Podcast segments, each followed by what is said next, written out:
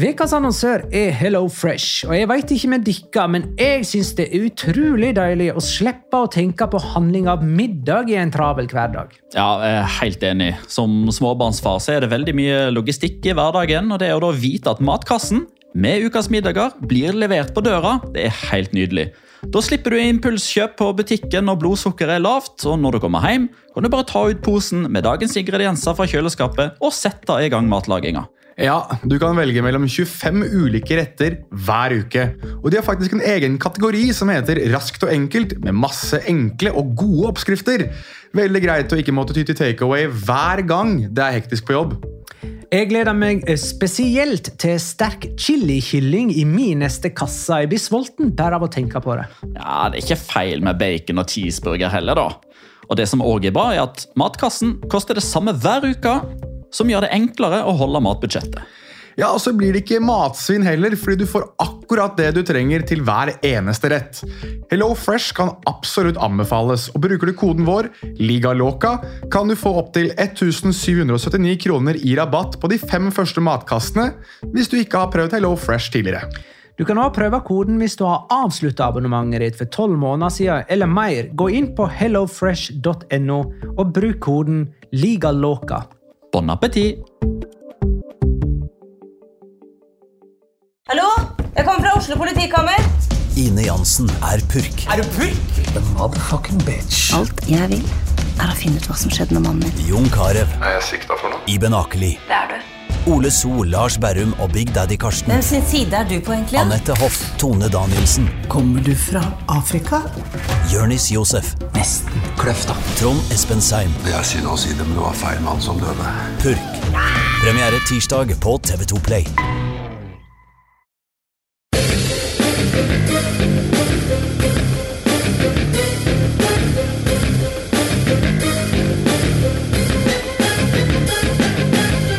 Har du sett noen som kan forklare den offside-tolkninga på Mbappé sitt vinnermål? Eller noen som forstår noe som helst av det Louis Henrique foretar seg? Tenkte med det, ja. La liga loka til unnsetning. Nei da. Jo da. Kanskje. Vi skal prøve iallfall. Men det blir ikke lett. La liga loca. En litt gærnere fotball. Ja, ai, ai, ai. La Liga Loca episode nummer hva for noe av det ordinære slaget, med meg, Jonas Giæver. Shalom in the home, jeg kanskje sier for det, selv om jeg er programleder i dag, og deg, Petter Wæland. Hei. Hei! Eh, Det er for øvrig episode nummer 178 av det ordinære slaget, og som dere hører, når Magnar Kvalvik ikke er her, så har jo jeg null styring på det vi driver med. 178 cm er vi på Ivan Cordoba, Roberto Ayala-nivå på eh, 178 centimeter over havet. Det tror jeg ikke. Jeg tipper at de kanskje er litt lavere. Eh, Enda lavere. Jeg tipper det. Jeg er 178 cm, Neste så, episode er min. Det er, jeg er 179. så du er 1 cm høyere enn meg. Når, Eh, når jeg har uh, sjøltillit, så er jeg 80. Uh, Roberto Ayala var forrige episode. 1,77. 1,77. Ivan Cordoba 1,73.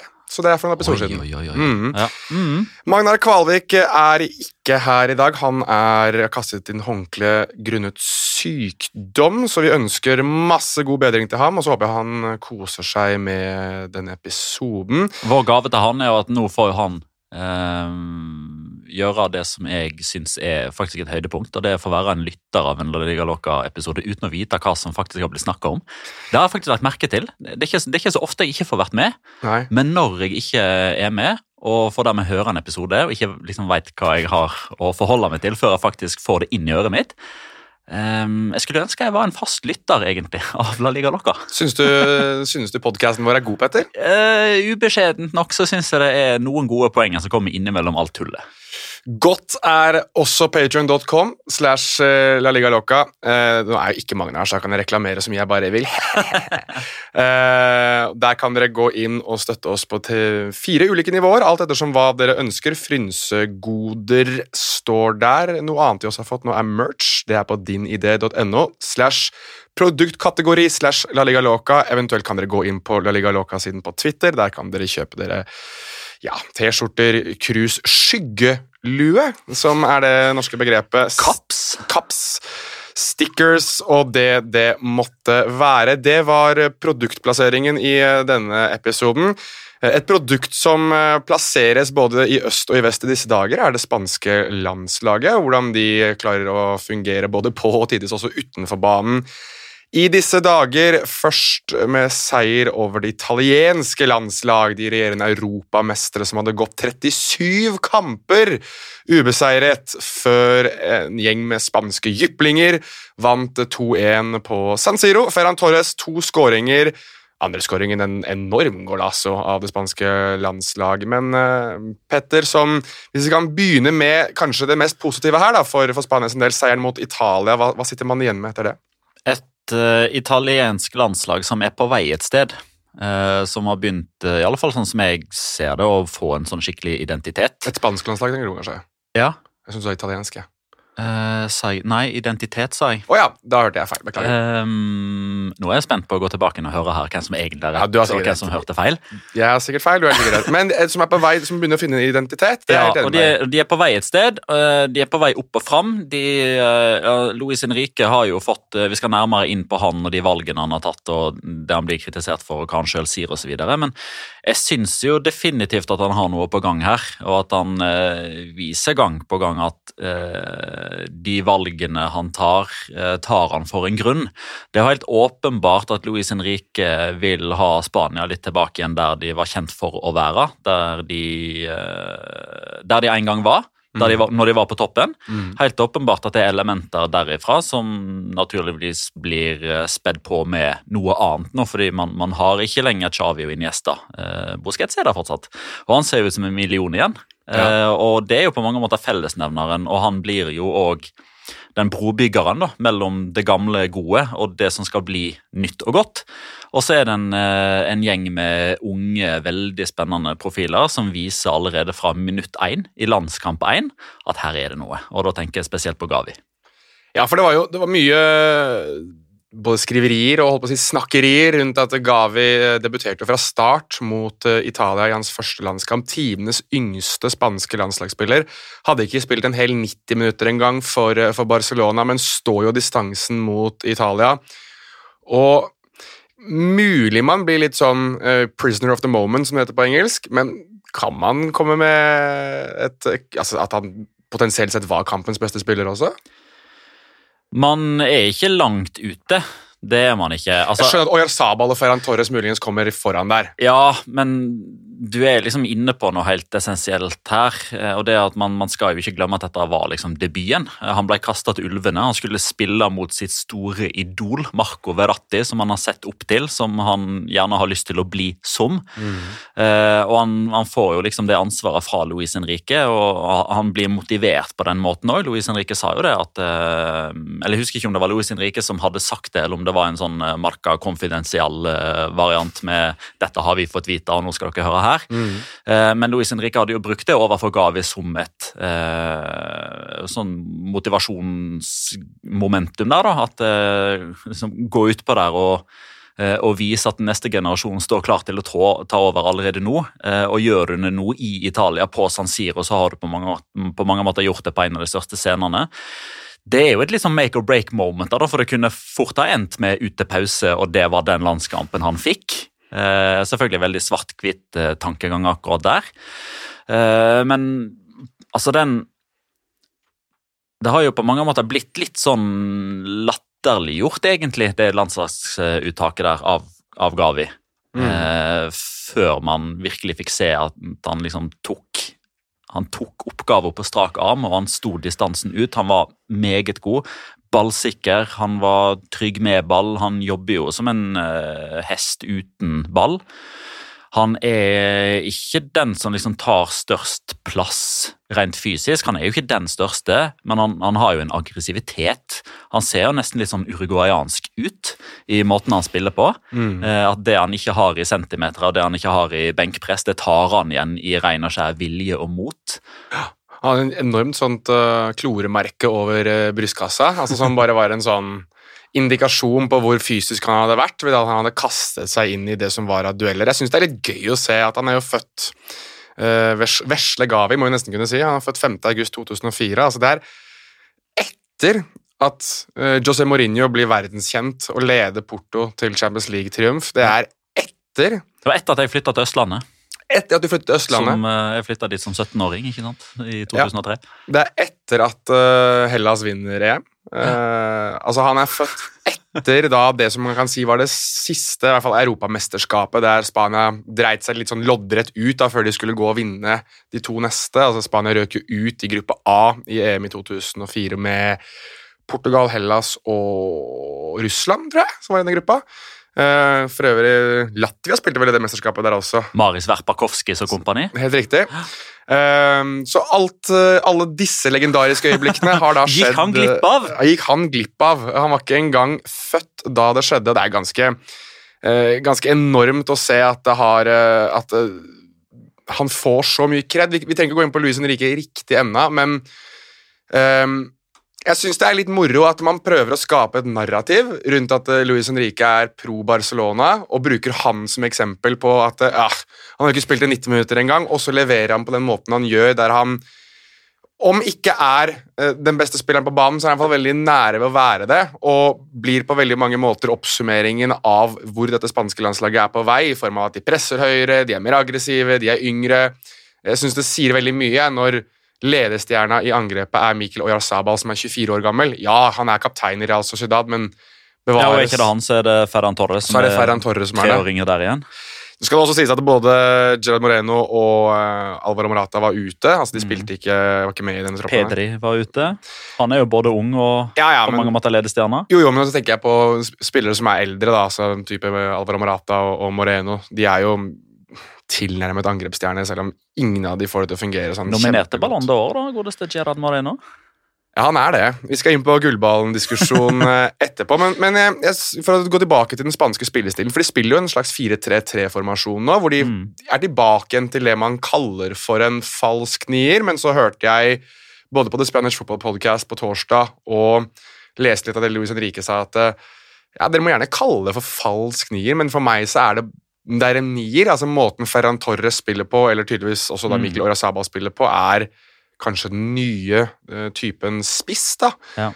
Um, tror, tror du at uh, Luis Henrique har kommet seg rundt det spissproblemet Spania har hatt, ved rett og slett si at uh, nei, vi finner på den rollen på nytt?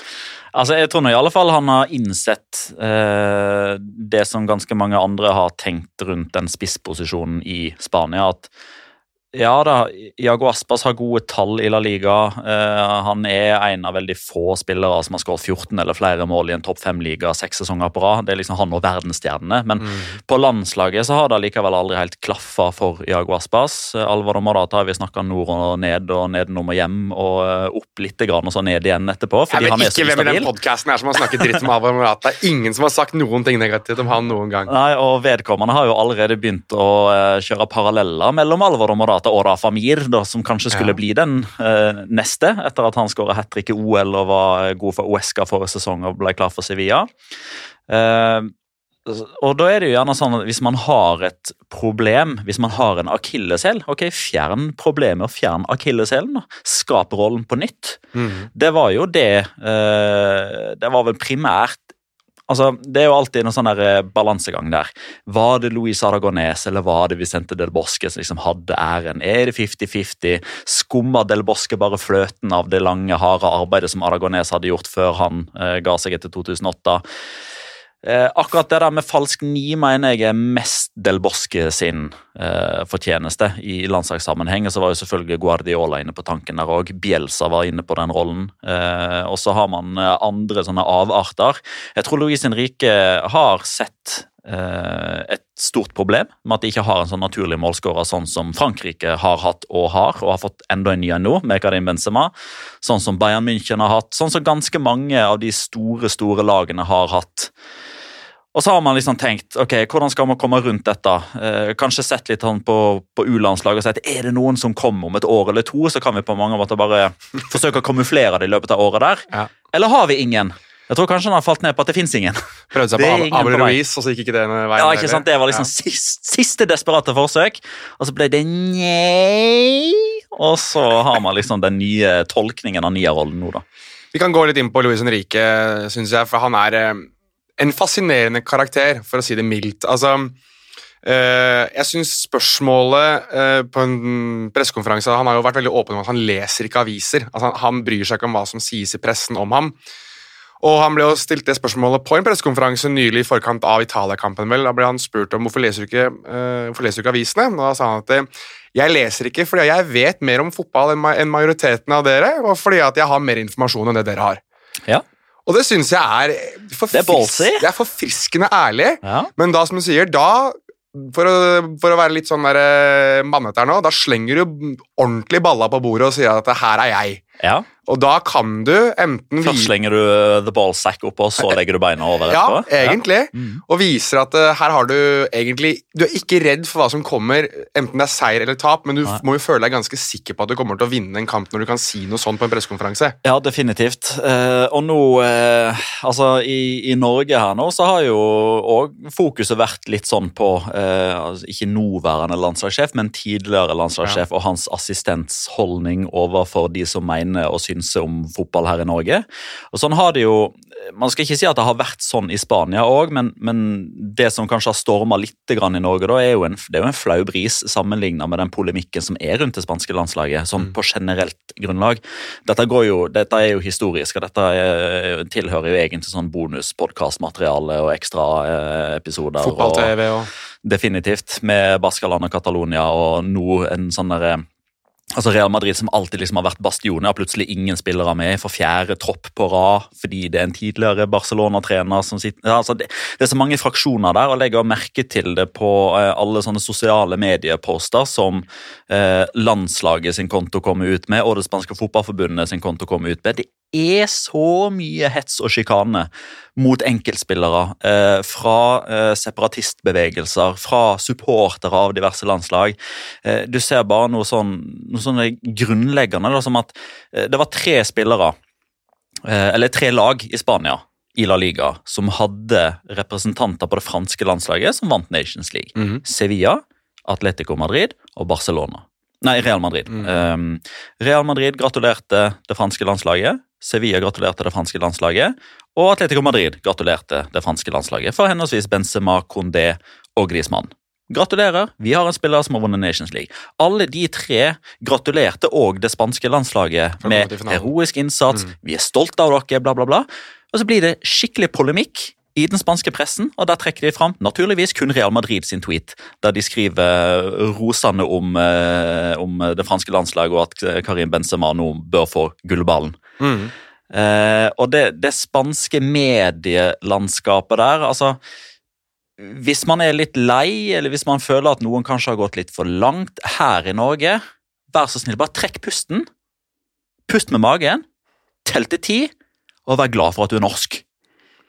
Ja, jeg, men jeg, jeg synes jo uansett at det er veldig gøy å se en type som Luis Henrique som eh, kontra eksempel Luis Aragones Nei, kanskje ikke like mye han, men mest kanskje vi sendte del Bosque. Ja, Del Bosque var veldig diplomatisk. Ja, og Aragones tok jo enhver kamp, egentlig, men han var også en som inviterte da gjerne, han inviterte Da- pressen og tok, tok det i plenum. Ja, men, og, men han tok vel strengt tatt et par kamper han ikke burde ha tatt òg. Ja, det gjorde han. Eh, igjen, det er vel i hvert fall et kapittel om Raúl man kan ta i ganske lang tid her, om hvordan han Ja. Behandlingen begge veier, egentlig. Ja. Eh, Både hvordan Aragones behandlet den situasjonen, og hvordan eh, den spanske pressen behandlet Luis Aragones i forbindelse med at Raúl ble raket Nå, dette er digresjoner og skli ut allerede, men, men for å gå tilbake til, eh, til Luis Henrique, jeg syns at eh, han er vel den mest polariserende landslagssjefen jeg kan huske for, på det spanske landslaget. og da, Jeg glemmer ikke Robert Moreno, jeg glemmer ikke Julen Lopetegi, jeg glemmer ikke det ene mesterskapet Fernando Hierro hadde, jeg glemmer ikke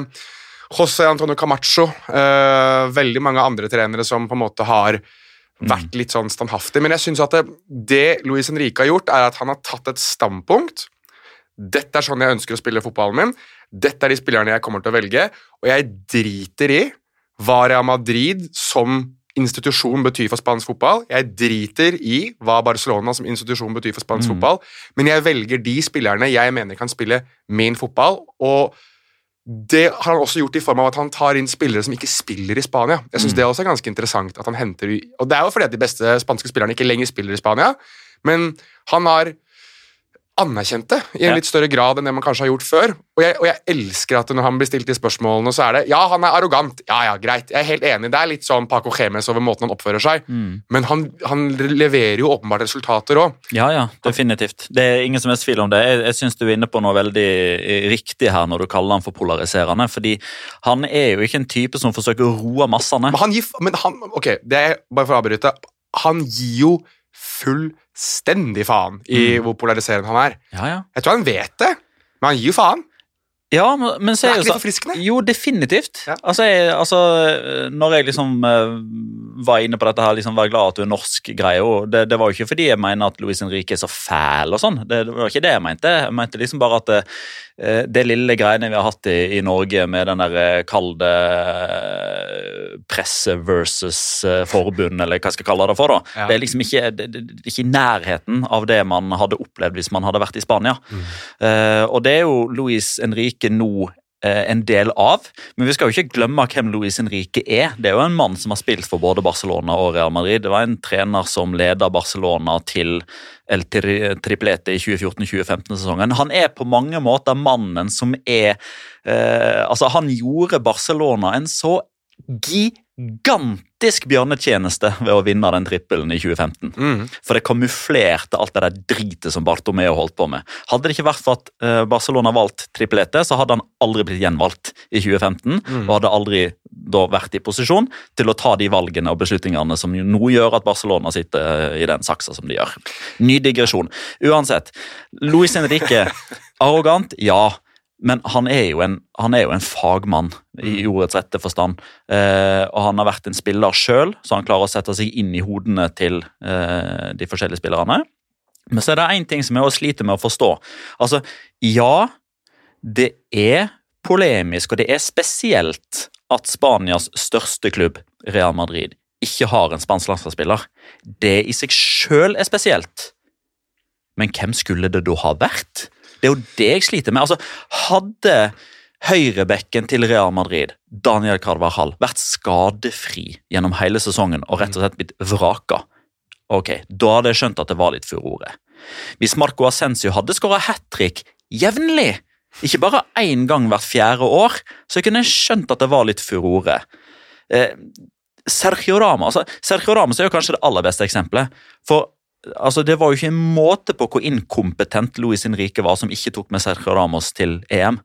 Det var jo ikke en måte på hva slags konspirasjonsteorier som ble lansert på vegne av Luis Henrique, det spanske landslaget og Real Madrid når Luis Henrique sa at Sergio Ramos ikke er i fysisk stand til å spille EM. EM ble spilt i juni, han har ikke debutert for PSG ennå, vi er i oktober. Altså, det er så mye Det er så mange teorier som ikke har grobunn i virkeligheten. Som òg er en del av dette store bildet av den suppa og det kaoset som alltid går rundt det spanske landslaget og det miljøet der.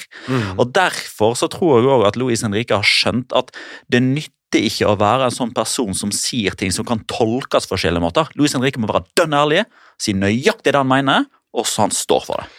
Kan jeg komme med en, med en teori også på Mm. hvorfor jeg tror han tåler dette så godt? Det er litt, sånn, Ja, ja. Det er litt rart å si, Jeg er helt enig. Um, men han mistet jo datteren sin. Mm. Altså Han har jo opplevd det verste som, han, som foreldre kan oppleve. Altså Han har jo gått gjennom den største sorg som eksisterer. At Jeg tror at han innimellom tenker at ja, ja, det, det kan liksom ikke bli verre enn det. Nei, og det er jo litt sånn at når, når man er så åpenbart, kall det arrogant, eh, høy og mørk, så stor selvtillit, eh, at man kan sitte på en pressekonferanse og si foran et pressekorps Nei, jeg gidder ikke lese det dere Altså, dere gir meg ingenting, er jo basically det han sier. Ja. Ingen av dere i dette rommet her kan fortelle meg noe jeg ikke vet, eller komme med innspill eller ideer som gjør meg til en bedre fotballtrener. Det er jo egentlig det han sier. Det skaper en enorm fallhøyde. Mm. Men han har allerede falt, han. Han har falt så mye lenger enn alle andre stort sett da, i det rommet. Nå kjenner ikke jeg bakgrunnen til alle journalistene som sitter der, men på et personlig plan så har altså det fallet til Luis rike i det øyeblikket hans datter ble syk, og gjennom den perioden og fram til det gikk så gale som det kunne gå Mm. Altså, eh, lakmustest ganger 50 millioner, ikke sant? Altså, han har vært gjennom den desidert verste perioden i sitt liv, Mm. og alt det han i i hermetegn da gjennomgår som spansk landslagssjef nå, en dans på roser i forhold. Jeg er helt enig. Uh, en dans på roser ble det jo ikke da mot eh, det franske landslaget. Og en dans på roser mot eh, regelverket er, har det jo heller ikke vært for noen av oss. korstog. Ja, det har vel heller vært et torneregn, hvis vi kan kalle det for det. Altså I form av eh, hvor, eh, hvor ille det har, har vært. Um, jeg skal prøve å se om jeg finner Jeg syns eh, vi, kan- vi skal jo inn på det. Daniel T. Krangas på, på Twitter spør må gjerne bruke en fem-ti minutter på å pisse på VAR og hvordan den til tider ødelegger fotballen. Der, derpå Andreas Serpajärvi eh, svarer og hvordan er Erik Garcias forsøk på å nå ballen sett opp mot ok, det er langskudd om Mbappé hadde skåret på en retur fra Unai Simon, der han står i offside når skuddet fyres. Da ville ha blitt vinket, selv om det er en ny situasjon. Eh, godt poeng, eh, og da vet jeg jo at eh, Og nå ser jeg Petter eh, hente fram telefonen sin fordi han skal inn og finne regelverket. Og det er det jeg skal fram til her, Petter. Jeg er nysgjerrig på hva er det som gjør, oi, hva er det som gjør at eh, skåringen til Kylian Mbappé på 2-1 faktisk står, og ikke blir eh, avvinket for offside? Ja. Jeg må holde tunga rett i munnen her. Og det er jo Jeg skal, jeg skal bare først komme med et hjertesukk. To hjertesukk. Det første er overfor de som eh, ikke nødvendigvis lager regelverket, men som skal forklare regelverket. Det vil jo si IFAB, de som eh, f.eks. da eh, skriver The Offside Law eh, i Laws of the Game. Eh, fordi på den måten det står, da, bokstav for bokstav, så blir jo dette her naturligvis oversatt. da. Det blir oversatt til spansk, det blir oversatt til tysk, det blir oversatt til norsk, så blir det forskjellige ord, og så mister det litt betydning. Og til syvende og sist så sitter man med eh, supportere, eh, fotballeksperter, fotballkommentatorer, landslagssjefer, mann i gata, nabojenta Alle har sin tolkning av det som står svart på hvitt. Det som står svart på hvitt i, eh, i regelverket, jeg kan ta det på engelsk først, da, siden det er lettere å forstå for de fleste lytterne våre, de henviser jo til 'deliberately place the ball'. Og ordet 'place' er sentralt her, altså P-L-A-Y-S, ikke 'place', altså ikke sted, men 'place', altså spille ballen. Da tror jeg de fleste automatisk tenker 'sentre ballen'. Pasning. Pasning. Mhm. Men det er ikke det som, det er ikke sånn det skal tolkes. Place the ball, altså typ deliberately place the ball, aktivt søke ball, aktivt involvere seg sjøl med ball. Og det er det Erik Garcia gjør når han forsøker å bryte gjennomspillet fra Theo Hernandez mot Kylian Mbappé. Da er det sånn, i dette tilfellet her, jeg er uenig i at det bør være sånn. Mhm. Jeg syns ikke offside-regelen bør praktiseres sånn, men det er det som står i regelverket. At når da Erik Garcia, uavhengig av alt annet som skjer på banen, han tar valget om å forsøke å bryte den pasningen. Det er et aktivt valg som han tar. Ingen tvinger han til det.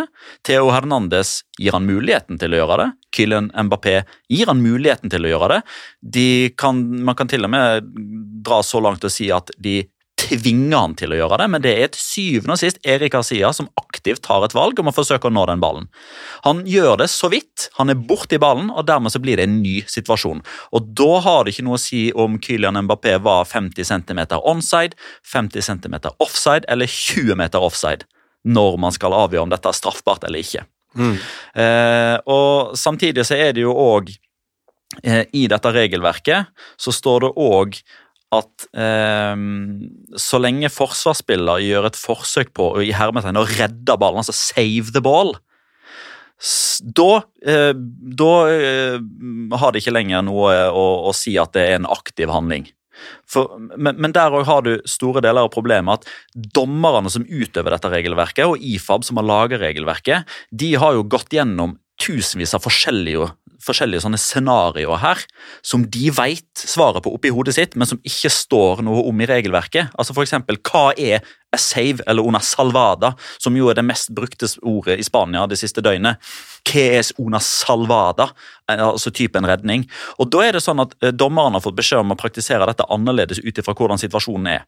Situasjonen mellom Frankrike og Spania er at det er en gjennombruddsball. Det er langt fra mål. Altså det, det akkurat det samme som der, det blir en sånn subjektiv greie, sånn som når man skal vurdere om det er en klar og åpenbar målsjanse eller ikke. For eksempel hvis man blir revet ned 40 meter fra mål kontra 10 meter fra mål. altså Jo nærmere mål du er, jo større er per definisjon målsjansen. Og Når Theo Hernandez er så langt unna mål, når Kylian Mbappé er så langt unna mål, så blir ikke Erik Garcias forsøk på å bryte ballen ansett som en såkalt redning, eller en save eller salvada, avhengig av hva slags språk man bruker. Mm. Det gjør at dette ikke blir offside, mens en redning fra keeper, for å ta Serpajärvi, eller hva han heter, sitt, hva det var, Andreas Andreas ja, PV, ja. eh, som kommer med et Ja, men hva hvis Ja, men Unai Simon redder ballen. Han redder ballen fra å gå i mål. Fjern Unai Simon, og ballen går i mål. Mm. Derfor tolkes de to situasjonene annerledes. Men det er jo det store problemet her at når alle som sitter og ser kampen, eh, umiddelbart ser på bildene og tenker at dette er jo offside, han er innenfor. Og ja, vi ser alle at Erik Asia er borti ballen, men det er jo fordi han forsøker å hindre ballen å gå igjennom til en spiller som er i offside. Mm. Uh, da er regelverket for dårlig forklart, både i praksis, men òg ut ifra hva slags ord som står, og hvordan vi skal tolke det. Mm, jeg er helt enig. Uh, Svein Erik Edvardsen var jo på, på, Twitter og prøvde å forklare dette, han også. Jeg syns, jeg syns det er Jeg mener at vi har snakket om denne typen situasjoner her før, for jeg går jo alltid tilbake igjen til eh, hva er det som gjør at situasjonen oppheves. Og da, Jeg nevnte i hvert fall fra dansk fotball den situasjonen der det var et eh, frispark som ble slått. Altså det var frispark, Kall det korridorfrispark, hvis du vil. Som ble slått mot en spiller som står i offside idet ballen går. Og det som endrer situasjonen altså det, det, ender jo opp hos den spilleren som står i offside når ballen går, og han scorer, og det blir 1-0. Det som gjør at den, den scoringen står, er at det er en eh, motstander, altså en forsvarende spiller, som stusser ballen videre. Ballen endrer ikke noe markant ballbane, men den er innom en spiller til, Mm. som da gjør at det er en ny spiller som er innom ballen. altså New action, da, som Ja. det dukker opp i regelverket. Mm. Som betyr at det er den spilleren, selv om ballbanen ikke endrer seg, som spiller ballen til han som sto i offside. Ja. Ergo står målet. Mm. Og Det var det også Svein Ingebrigtsen forklarte, at det, eh, det er det som gjør at Erik Garcia opphever offsiden her. Ja. Problemet, og det var flere som poengterte, det, og jeg er helt enig, problemet er jo at hva skal Erik Garcia ellers gjøre? Han Ja. vet jo ikke om Mbappé er offside eller ikke. Skal han bare la ballen gå og håpe at han reddes av linjedommer som skal ha tungt flagg? Mm. det, så det er jo et, åpenbart et system her. Altså, jeg har veldig mye sympati for Erik Garcia akkurat her. Ja, ja. Jeg syns ikke han er noen god midtstopper, men jeg, men jeg har sympati for han akkurat her. Mm. Og Spesielt når du har akkurat Mbappé, som er, eh, ligger og lurer bak ryggen din. Så Ja, er det liksom sånn Du må prøve å gjøre noe! To andre situasjoner altså det, altså Dette her kom jo veldig opp i lys eh, akkurat i, i går. og da, Jeg må jo før vi bare kjapt få, få skutt inn her, da. Eh, Endre Olav Osnes og Nils Johansem de, de naila jo dette her umiddelbart. Der tror jeg det er veldig mange kommentatorer som hadde blitt forvirra, eller som hadde gått rundt grøten, forsøkt å ikke ta noe standpunkt, men de var jo med en gang på dette. ja, men Han er borti ballen, da blir det antageligvis ansett som en ny situasjon. Så det var veldig godt løst.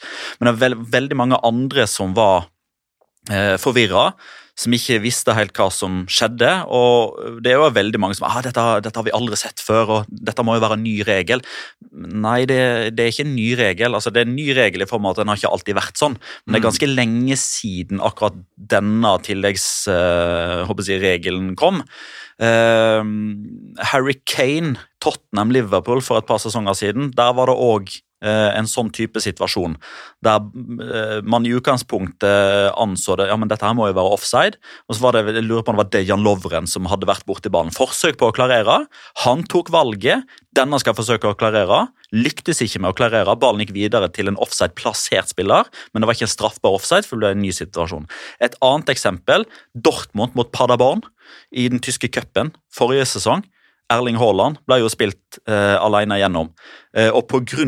at en eh, Paderborn-spiller da forsøkte å bryte gjennom spillet, fikk et bitte, bitte, bitte lite touch på ballen, ingen retningsforandring, endra ikke situasjonen i det hele tatt. Det hadde skjedd nøyaktig det samme hvis den Paderborn-spilleren ikke hadde vært borti ballen, men det blir vurdert som en ny situasjon fordi Paderborn-spilleren, som jeg ikke husker navnet på, Dejan Lovren og Erik Asia alle har tatt et aktivt valg. Her skal vi forsøke å stoppe gjennomspillet, og da blir det visstnok en ny situasjon.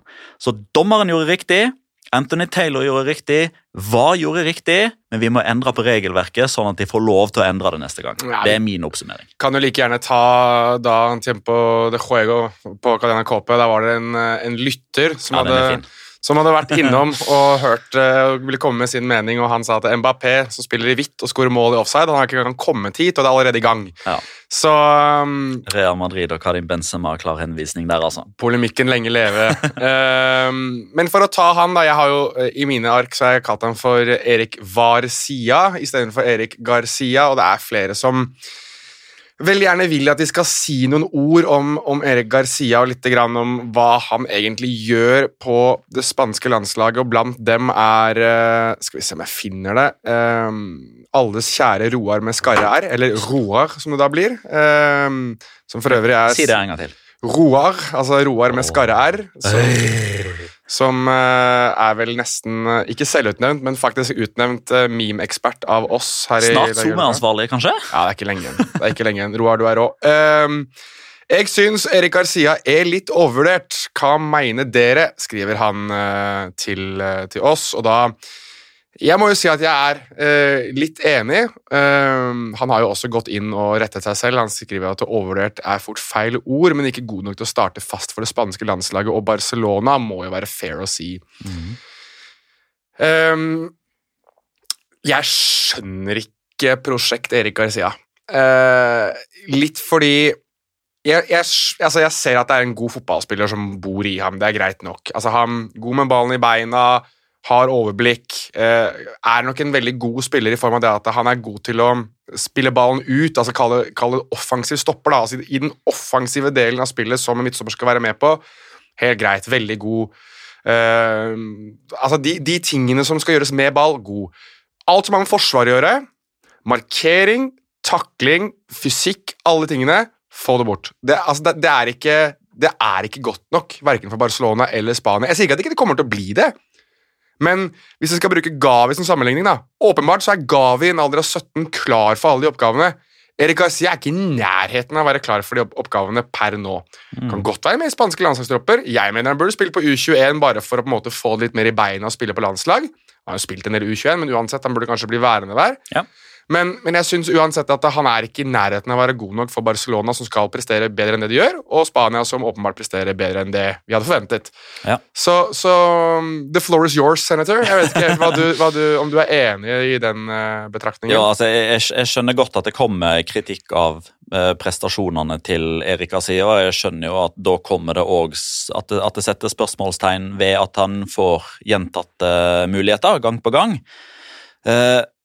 Og jeg har eh, altså, Jeg har egne meninger og er ikke redd for å stå for de, men noen ganger eh, Noen ganger eh, så kan jeg rett og slett bare ta et lite steg tilbake igjen, og så bare Ok, hva er egentlig situasjonen her? Situasjonen er at det er en ung midtstopper som heter Erik Garcia, som får ganske, ganske mye spilletid, tross alder og konkurranse, av Pep Guardiola.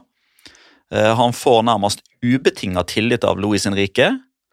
Eh, og så kan man sikkert diskutere om Ronald Koeman er i samme gata som dem, ja. Samme gata som de, men han får tillit der òg. Ja. Og så tenker jeg, da må det jo være et eller annet der.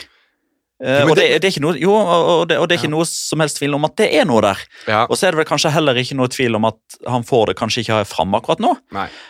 Men da tenker jeg at da er man kanskje inne på det litt mer mentale aspektet her. At kanskje har Pep Guardiola, Luis Henrique og Ronald Koeman sett et eller annet ved hans mentalitet, ved hans syke, ved hans væremåte, han som person, som miljøskaper i en garderobe, som vi utenfor ikke ser i det daglige. Som gjør at de mener at han, klubben, og dermed òg seg sjøl som trener, eh, er tjent med å heller gå på rattata noen ganger nå, og så tjener alle parter på det på sikt.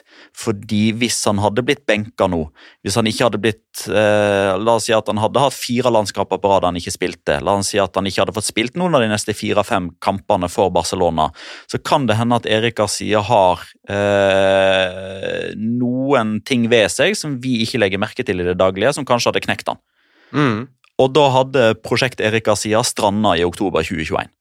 Og så hadde det vært Fryktelig synd. Dette er bare en teori jeg har. Dette Ja, ja, vet jeg ikke. Uh, men jeg er ikke helt med på at Erik Garcia liksom skal være så dårlig som uh, alle skal ha det til, når Luis Henrique, Pep Guardiola og Ronald Koeman åpenbart mener det motsatte. Ja, jeg, jeg ser den, men jeg tenker med en gang på Mark Bartra, jeg, da, altså. Mark Bartra, da Jo, men han, han var ikke i nærheten av å få så mye tillit i den alderen. Nei, kanskje ikke, men samtidig så ser jeg, jeg ser veldig mange likheter mellom Han var også i den spanske landslagstroppen flere anledninger og spilte, og var, Han var, jo, men han, han, spilte jo aldri fra start i mesterskap, Mark Bartra. Og han, han reiste jo til Dortmund og var jo heller ikke noe sånn fast inventar der. Og fikk en veldig sånn skremmende og vond opplevelse utenfor banen med Nei. bombing av bussen osv. Men det skal, men nå skal det sies at eh, da Mark Bartra var gjennom på det spanske landslaget, så var det Gerard Piquet og Carles Puyol blant annet, da, som var i den Ja, ja, spanske troppen. konkurransen var tøffere. Ja, Ja. ja, definitivt. Jeg tror at hvis Mark Bartra i den alderen han var i, hadde Men vært den troppen det hende her nå jo, men da kan det godt hende karrieren til Mark Bartra hadde sett litt annerledes ut. Kanskje. Kanskje vil man unngå at Erik Garcia blir en ny Mark Bartra ved at nå skal man faktisk gi han tillit? Smak Ja. på den, du. Ja, mulig. Du, du skal få Ja, smak på den, som, eh, som vi sitter og argumentere og vinne mot hverandre. Det er noe Nei, nei, nei. nei. greit. men jeg, nei, men jeg dette, ser er- dette er en fin diskusjon. Men uansett, da. eh, Det er jo helt åpenbart at noen av de beste attributtene til Erik Garcia er sånne type attributter som han enten har eller ikke har. Det, Det har poeng. han allerede i en veldig ung alder. Ja. Mens det å bli litt, få litt mer kjøtt på beina, litt mer muskler på kroppen, litt bedre i markeringsspillet, litt bedre timing i taklingene, det kommer. Der er han ikke i nærheten av å være ferdig utvikla heller. Han har allerede noe på plass som ganske mange fotballspillere aldri kommer til å oppnå. Som Ja, gjør jo, at han starter langt framme, hvis du skjønner. Ja, jeg, jeg er enig med deg i det, men, men poenget er at eh, du taper fotballkamper nest, altså Kanskje ikke, ikke den kampen her, da, ikke mot Frankrike, det, det, men, men Barcelona og Spania har sluppet inn mål fordi Erik Garcia gjør feil. Mm. Feil som du ikke skal gjøre på det nivået han er på. Og når du da ser hvilke andre alternativer du har til å spille den posisjonen, så er det ikke forsvarlig for meg å ha ham der. Akkurat sånn som det er nå. Ja, Men, hvem, hvem, hvem, men bare for å stille spørsmålet når jeg har deg liksom, eh, på akkurat det nå, da. Hvem Mm. skulle ha spilt i stedet for Erik Garcia? Mario Hermoso, for eksempel. Ja, det, det, den så jeg ikke komme. Nei, er du uenig? Mario Hermosa har vært god, han. Ja, men Han er jo ikke i troppen engang. Liksom. Nei, og det er et kjempeproblem, syns jeg. Jeg synes han skulle vært, i hvert fall vært med i troppen i det spanske landslag som mangler midtstoppere. Jeg syns 100 at det Mario Hermosa altså, Raúl Albiol, da. Hvorfor ikke? Ja, Han var skada. Den... Ja, ok, fair. Men, Men altså, Pau Torres ble jo benka fordi han ikke var 100% mot Italia. Altså, Han forærte jo Italia baklengsmålet, og dermed ok, greit. ja, men, jeg Men han inn med Erika Garcia. ja, ja, den, Men, den men, ser jeg. men, men en annen ting, det er ja, man kan knagge noen baklengsmål definitivt på Erik Asias skuldre, men samtidig så legitimerer han, i hvert fall på det spanske landslaget, hele måten spillestilen er bygd opp. Som gjør at du tjener veldig mye altså, Det er litt den der risk reward som Luis Henrique helt åpenbart mener at de skal ha veldig høy risiko i pasningsspillet bak. Det er en stor risiko for at de mister ballen. Det er stor risiko for at de mister ballen til ei angrepsrekke som blir bestående av eh, Mbappé, Griezmann og Benzema. Da snakker du om fallhøyde, da. Ja. Da snakker du om risiko. Men gevinsten ved å klare å spille seg gjennom det første og andre pressleddet, den er så enormt stor at da lar man Erik Garcia kanskje drite seg ut en gang i ny og ne. Og det, og det sa jeg jo innledningsvis, at jeg, når det kommer til de greiene der, Ja. helt enig. Da forsvarer han posisjonen sin, men jeg syns ikke han forsvarer den heller overfor Inigo Martinez, som jeg syns har vært dritgod for Atletic denne sesongen her. Mm. Altså, jeg, jeg bare prøver å finne grunnlag for hvorfor Erik Garcia, som gjør gjentagende feil, skal brukes framfor spillere Ja. som enten ikke har fått muligheten, eller når de har hatt muligheten, har bevist at de takler spillestilen bedre enn det, eller i hvert fall takler eh, det defensive, som er primæroppgaven til en forsvarsspiller, bedre enn det Erik Garcia gjør Ja. per oktober 2021. Mm, ja, Det er jeg enig i.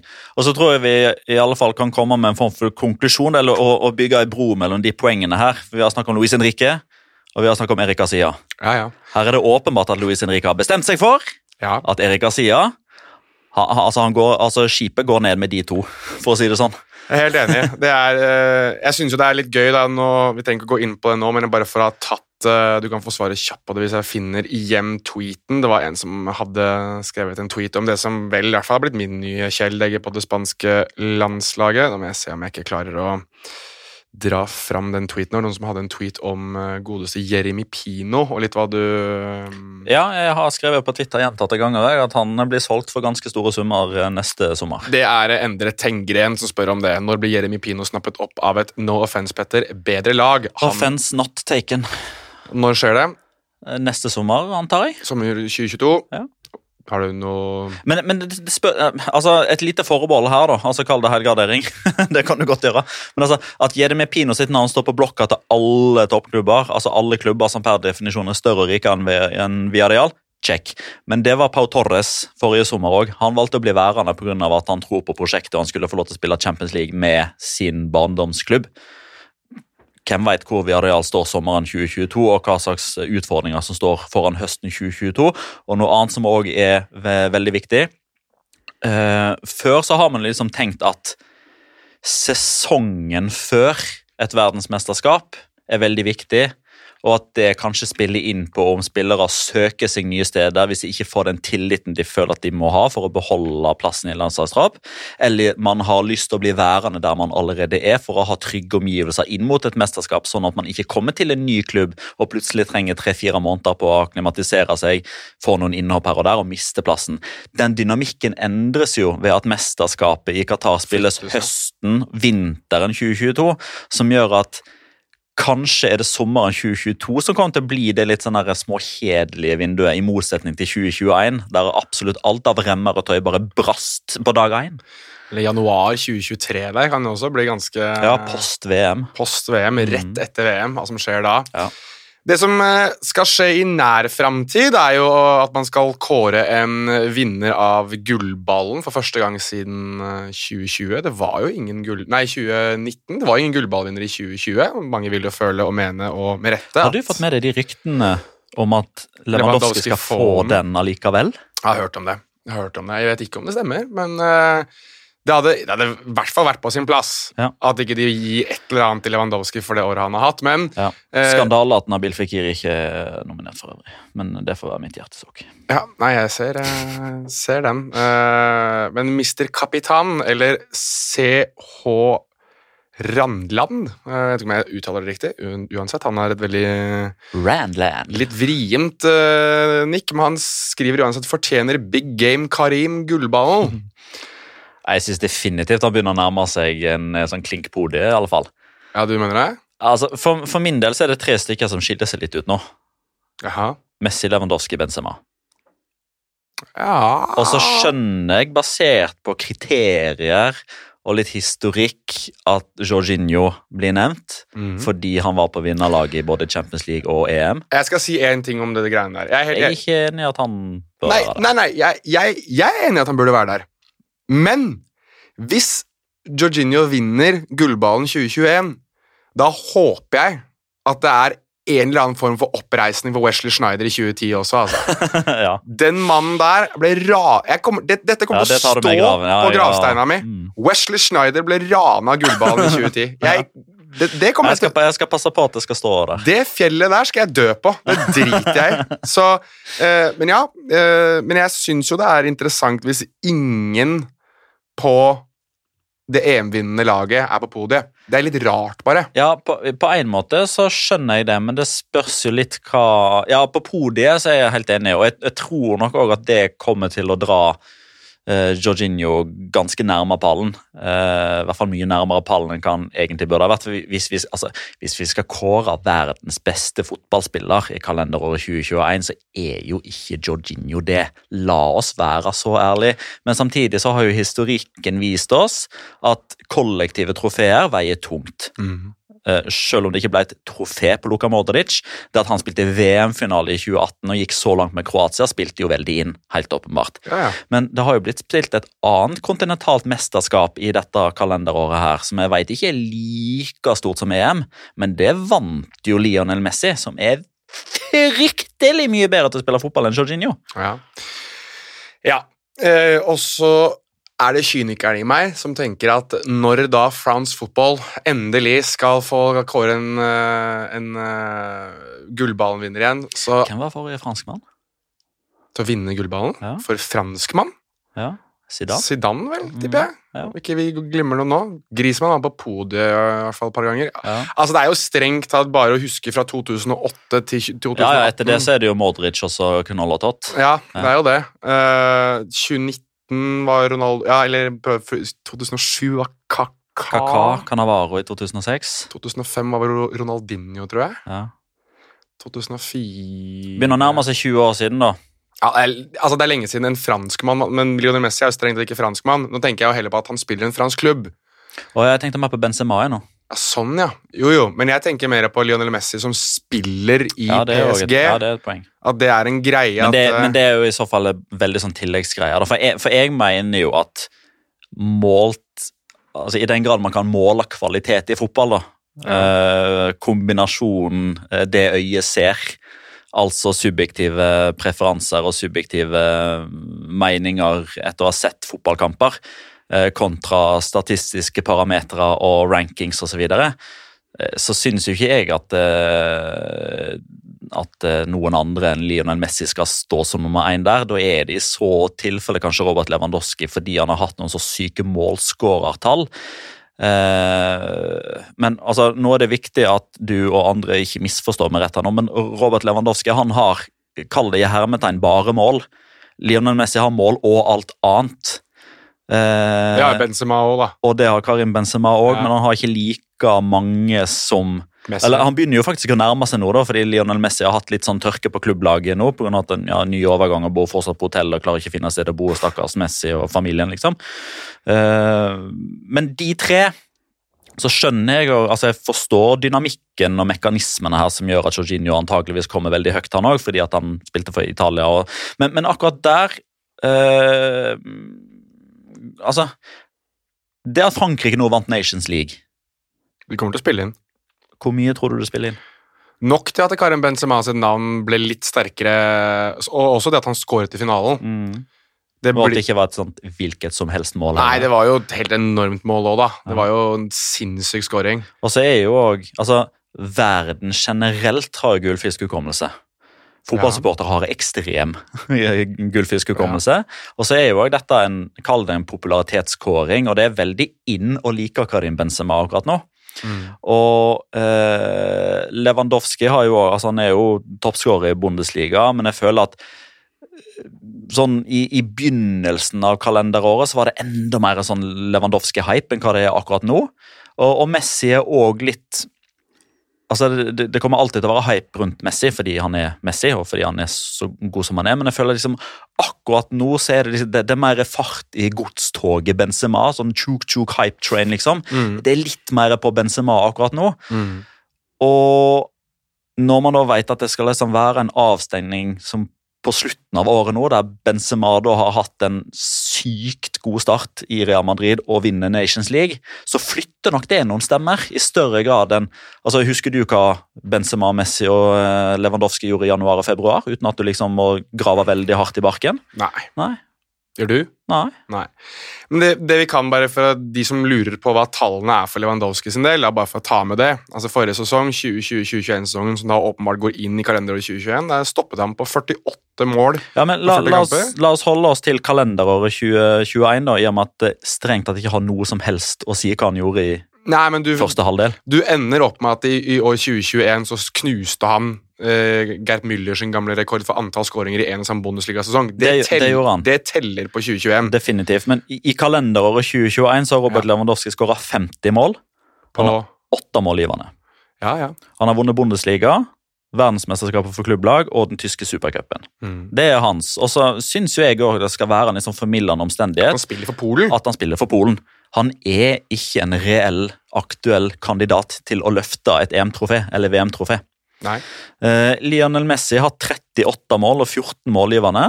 Han har vunnet Copa America og Copa del Rey. Han har blitt tidenes mestskårende søramerikanske. Så der Lewandowski liksom tok Müller, så tok Messi Pelé. Ja. Eh, Benzema har jo ikke Han har jo ikke tatt noen sånne legender, men han har tatt to nåværende giganter.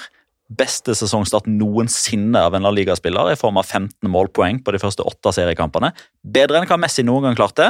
Bedre enn Cristiano Ronaldo noen gang klarte. Nå vant han Nations League. så han har et trofé i tillegg. 34 mål og 13 målgivende. Hva er podiet ditt, da? Det er de tre. Det er de tre? Ja. Og hvis du, hvis du nå i dag, da, siden det er jo sånn 5-3-1 Ja. Hvis du skal stemme nå Ja.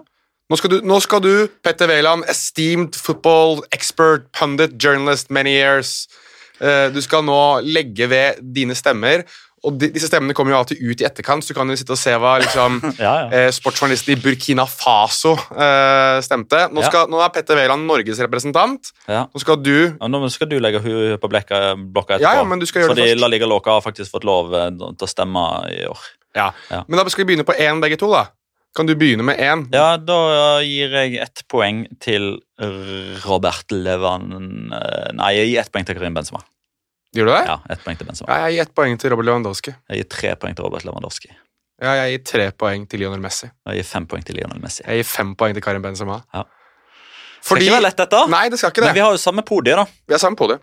Samme podie. Jeg Det har men, men, men det eneste jeg sier, er at jeg syns det er forståelig hvis Lewandowski eller Benzema eller Messi Kanskje ikke Messi, for det skaper så enormt furore, men i alle fall hvis en av de tre forsvinner pga. Jorginho, f.eks. Ja. Det kan jeg forestille meg. Ja, det, det, det kan godt hende. Men, men dette her er jo den mest åpne gullballen-utdelinga på ganske lang tid. Er ikke det det? Det er ganske enormt at vi ikke engang har nevnt Cristiano Ronaldo. Altså, ikke Med rette. Ja, ja. La oss si det. Ja, med rette. Definitivt. Men han er ikke i nærheten. Og Griezmann er ikke der oppe. Neymar er ikke der oppe. Nei, han er ikke i nærheten. og det er Mbappé blir ikke nevnt. Haaland blir ikke nevnt. Haaland kommer til å være høyt på den lista, tror jeg. Ja, ja, Mbappé kommer høyt, og Kevin De Bruyne kommer høyt. Nei. Det er liksom vel... Jo, det tror jeg. Mbappé kommer til å være lavere pga. den øh, straffebommen mot Sveits. Den sitter nok langt inne for mange fortsatt. Jeg tror du det? Ja. Tror du sportsjournalisten i Burkina Faso eh, tenker over det? Det spørs hvor mye Fifa de spiller, det. Hvis de spiller mye Fifa og han skårer mange mål for dem der, så kanskje de bryr seg litt mindre. Jo, men samtidig så tror jeg typer som Mbappé og Haaland tror jeg også får noen sånne ikke ufortjente på noen som helst måte, men kanskje litt sånn ekstra stemmer, da, fordi en hel fotballverden både tror og i hermetegn vet at de to står klar til å ta over. De ender på topp ti, ja. Ja, Ja, ja, ja, 100 Topp Mhm. ti, begge Ja. to. Det, men jeg kan forestille meg at Mbappé som nummer Åtte?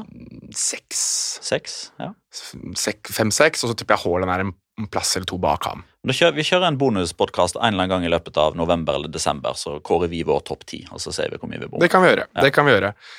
Um, det er jo Det skal jo spilles en Vi, vi lar faktisk uh, Locora utgå denne gangen her. Det har vi bestemt oss for. Det var ikke sånn kjempemye Altså Det er jo det morsomme, da. Altså det, det jeg hadde som var min Locora til å begynne med, var jo Erik Garcia som ble intervjuet i etterkant av Frankrike-Spania-kampen. Jeg vet ikke om du så det. Du vet hvordan det er når disse her gruppene med spanske journalister står rundt en bil og sånn, og liksom skal intervjue han, og han, han svarer på spørsmål og prøver å gå, altså han prøver å komme seg inn i bilen. Og der er det en kameramann som eh, må gå baklengs, og så dulter han borti et eller annet, så han, han faller jo bakover. og Erik Garcia står jo og prøver å hjelpe han opp, men han har faktisk skada seg skikkelig. Oi. Så Erik Garcia liksom står sånn eh, Han vet ikke om han skal svare på spørsmålene, eller om han skal hjelpe den stakkaren som ligger der, da, mens hun der, da, intervjueren prøver liksom å hun står liksom med en hånd og hjelper denne kameramannen, og samtidig så står mikrofonen opp til Erik Garcia. Det er, altså, det er noe av det mest suppete jeg har sett, mens Ja. du da har alle de andre journalistene som egentlig også er litt sånn Han er, han er jo skada. Altså, han- kameramannen har jo fått skikkelig vondt. Ja. Men vi må gjøre intervjuet, så det var liksom sånn det er en av de mest surrealistiske tingene jeg hadde sett på en stund. Jeg tror du finner det på i hvert fall, El Chiringuito har noe greier liggende ute om det. Ja. Uh, men uansett, vi lar det bli uh, denne ukens eh, kollektive Locora. Uh, serierunde nummer ni skal jo spilles til helga. Det er jo noen par frekke godbiter her, syns jeg. Celta mot Sevilla på lørdagen der. Er jo en av de jeg har pekt meg ut. Men eh, bare, bare, bare hold, før du sier rundens tippegang, eh, bare hold praten i gang lite grann. Eh, Jeg må bare sende deg noe Du må sende meg noe. Ja, men eh, det er godt at som jeg, som jeg kom på nå. ja, det er godt at vi tar redaksjonsmøte underveis i podkasten. Ja, men Det tror jeg du er litt klar for. Ok, ja. I hvert fall øh, Sånn. Det er en kamp som er utsatt, ja. Det er greit. Det er tydeligvis Granada mot Atletico Madrid. Det, va? Nei, det er den vi har tippa på. Aha! Ja, Men da, altså, nå, nå skulle jo jeg forsøke å skåne deg, da. Altså, Jeg kunne jo bare sagt det til deg. Nei, men den kampen er jo utsatt, eh, Magnar. Jeg send, nei, Jonas, jeg sendte det til deg sånn at du skulle slippe å si den kampen, og så måtte jeg arrestere deg på lufta. Ok, ja, men Det er godt at jeg følger såpass godt med. Velkommen til La Liga Loca, en podkast om spansk fotball der vi faktisk uh, ikke Der i alle fall noen følger med. Der i hvert fall ikke alle følger med på spansk fotball like tett som eh, andre, men jeg visste ikke at den var utsatt. Det synes Nei, men Det er jo jeg pga. dette Conmebol-greiene igjen. Eh, Real Madrid tirsdagskamp. Club er Ja. verdt å ta med. Det er den kampen vi egentlig skulle tippe på. men Da utgår visst tipping òg, da. Det er jo veldig bra. Uh, men de stopper jo ikke denne helga her fra å ha noen ordentlige godbiter, Petter. Nei, Det synes jeg er verdt å ta med. definitivt. Rayo Vallecano mot Elche er kanskje ikke den som de aller fleste kommer til å benke seg til klokka to på lørdagen der. Jeg kommer nok til å gjøre det, fordi alt Falcao gjør i disse dager, skal jeg ha med meg. Mm. Eh, Celta Sevilla, der er det jo Altså, det er så Celta er så hit or miss Mm. at det, det kan bli en sånn enormt gøy kamp mellom Lopetegi og Codet. 3-4 endte den kampen forrige sesong. Nettopp. Nettopp. Er eh, Renato Tapia klar? Litt usikker. Åh. Han har ikke spilt for Peru. Han reiste jo ikke til Sør-Amerika fordi han hadde en skade. Nei, det tror jeg Det tror jeg stemmer. Nå er jeg litt usikker på hvordan han ligger i an- an terrenget. Men eh, Renato Tapia må jo spille den kampen her. Eh, en annen som Det hadde vært et tap, ja, for eh, Å, herregud. Villarreal og Sassona følger like etter. Eh, syns ikke Osasona er like morsom uten Jimmy Avila. Jeg må få sagt det. Han skåra i en treningskamp nå. Ja, men du hører masse om at han gjør sånne ting, så spiller han jo ikke! Jagoba! Skjerp deg! Ja, vi får det på. Um, og så har du eh, Granada Atletico Madrid og Barcelona Valencia, som er vel de to kampene som han følger tettest med på da, i så fall. Granada Atletico Madrid er jo da utsatt. Det er ikke den Ja, Du sa jo vi skulle tippe på en kamp her, Ja, Det er Real Madrid Atletic. Den er òg utsatt. så det er to som er utsatt? Det er to utsatte kamper Herregud. fordi de har eh, spillere som i utgangspunktet da kommer for seint tilbake igjen fra Conmebol, og de har kamp eh, på tirsdag i Champions League. Kan jeg bare få sagt da en lokore her nå? To Mhm. her. Nummer én at jeg ikke har fått med meg disse to tingene før jeg har gått på lufta. Det er én. Mm. Beklager til alle lytterne. Og nummer to jeg sender en varm tanke til det Excel-arket ditt som kommer til å stå Ja, ufiksa nå i eh, litt lengre tid. Ja det, verden er ikke i vater. Nei. Det har det ikke vært siden forrige landskamppause. Men det som er litt morsomt, er jo at Levante og Retafe skal jo også møtes. De skal jo sparke i gang hele serierunden på lørdag klokka 18.30. Og dette er jo liksom clash of the two uh, teams som endelig har eh, tatt til, uh, tatt til fornuften og latt Paco Lopez og Michel Gonzales få fyken. Og der har det jo nå, Vi har jo fått 100% bekrefta erstattere der nå. Vi slo Ja. det jo fast i forrige episode at Kiki Sanchez Flores returnerer til Retafe for tredje gang. Forrige gang så var han der i halvannen måned. Vi får håpe at han blir der lenger denne gangen. Og så er det Javier Pereira, eh, tidligere assistenten Ja. til Juan Ignacio Martinez. Eh, du husker når Sergio Ballesteros og kompani toppa La Liga etter sju serierunder? De vant røbbel og bitt. Da var han assistenttrener. Var det da Ballesteros på en eller annen merkverdig måte klarte å eh, altså, eh, sprinte fra Cristiano Ronaldo? Mm. For de som ikke, for de som ikke husker Bajesteros altså, eh, forestill deg han feite onkelen din på en eller annen sånn familie-get-together som rygger i seg litt for mye potetgull og drikker en øl for mye på lørdagskvelden. Det var Bajesteros. Det var det. Uh, nå, uh, nå husker jeg i farten ikke navnet på stopperkollegaen. Nei, det er ikke jeg Uh, jo, nei. Eh, men uansett. Eh, den bakre fireren til Levante, som på, på det tidspunktet da leda La Liga med Mm. sju seire etter sju kamper, det var Havi Venta, Juan Fran Garcia, Sergio Ballesteros og eh, stopperen hvis navnet jeg ikke husker. Jeg husker at Tredjevalget var Ektor Rodas, men han var ganske ung. Uansett, Gjennomsnittsalderen på de fire der var 35. Det sier jo sitt. Eh, et lag som ikke har gjennomsnittsalder på 35, er Barcelona, som eh, på søndagskvelden der skal møte eh, Valencia, som eh, jobber iherdig med å få på plass et lag. Det er jo ikke sikkert at de har spillere som er eh, Det, suspen suspenderte eller skada. Omar Alderete Ja, ja, ja. Han har nå karantene i La Liga. Mm. Han har karantene i Conmeballs VM-kvalifisering. Mm. Jeg bare venter på at noen sier altså, nei, han må i koronakarantene òg. Alderetet seg ut, som Chris Robin Eriksen eh, skrev til oss I på vår Twitter. Discord! Ja, han skrevet det? Ja, han skrev det flere steder. Mm. Så Chris Robin Eriksen er en uh, ordentlig gjengangs... eh, vi si, gjengangssvarer både på Twitter og i Discord. Det setter vi kjempepris på. Men nå lurer jeg på om ikke, hvis ikke du har noe du har lyst til å tillegge i Barcelona-Valencia, Petter, så dette er jo en fraktert episode av Alega Loca og en fraktert, episode, eller fraktert serierunde. Er det noe å bite seg merke i for lytteren inn mot eh, det oppgjøret mellom Barcelona og Valencia? Eh, altså Det er jo Ronald Coman-derby, da. Altså How Ja. to ruin a football club. Det, han gjorde jo det i sin tid med Valencia. Mm. De klarte jo å reparere seg til en viss grad. Strengt tatt så har den klubben der vært ganske ødelagt både før og etter han kom inn der. Det, det, det har han, men uh, her tror jeg vi har to supporterskarer som kan uh, s- ja, eh, Hva er det vi pleier å si? Bare gi hverandre en god klem og hoppe utover det stupet. Ja. Uh, med, med tanke på hva slags rykter renommé Ronald Koeman uh, har der. Det pleier å bli veldig morsomt når disse lagene møtes. Uh, noen ganger fordi det har gått så inn i helsikens skeis for et av lagene. altså Heisan Gary Neville 07 på kamp nå i Copa del Rey.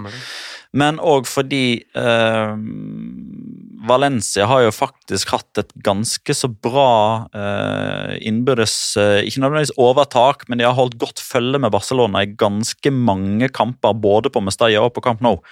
Eh, og Nå har begge lag tolv poeng, de er tabellnaboer. Eh, begge har pluss fire målforskjell. De har skutt omtrent like mye, de har eh, liksom ca. like gode expected goals for og mot. I utgangspunktet en jevn og morsom fotballkamp som kan gå alle veier. Da tror jeg du har gjort eh, verdens største innsalg på en kamp som eh, potensielt sett kan bli Ronald Comans andre tap for en tidligere arbeidsgiver. Han tapte jo også mot Benfica. Hadde vært litt sånn skjebnens ironi hvis de to klubbene er de to som til slutt gjør at han får sparken. Bare kødda, Barcelona har ikke råd uansett. uansett, eh, jeg tror det blir siste, siste ord i podkasten denne gangen. Jeg ser fram til at Magnar Kvalvik er tilbake igjen neste mandag. Og Så skulle jeg til å si god La Liga-helg, men det er jo strengt tatt nesten bare én dag det blir spilles kamper denne uka her. Lørdag, søndag og mandag. Ja, mandag er inn i neste Ja, uke, og lørdag og søndag, da. én kamp på lørdag. Så To. hvem er den andre? Levante Retafe. Den skal også spilles, Den, den er selvfølgelig. flyttas, den er flyttet til Nei, men det var den andre jeg skulle fram til. Det var, Real Sociedad Mallorca. takk skal du ha. Da har vi fått uh, dytte inn den også. Kanskje Sørloth tilbake igjen? La oss håpe det. Kanskje litt tidlig. Kanskje litt tidlig. Kanskje litt tidlig. Det er kanskje litt tidlig for oss. Så du skåringa til Isak eller mot Kosovo? Gjorde det. Nei, hvis vi skal begynne Hvis vi skal eh, håper å si, eh, skli ut enda mer nå, så kommer Magna Kalek til å drepe oss. Uansett, eh, tusen takk det- Nei, nei, bare kødda. for at du har lyttet. Kjære lytter, ha det, da.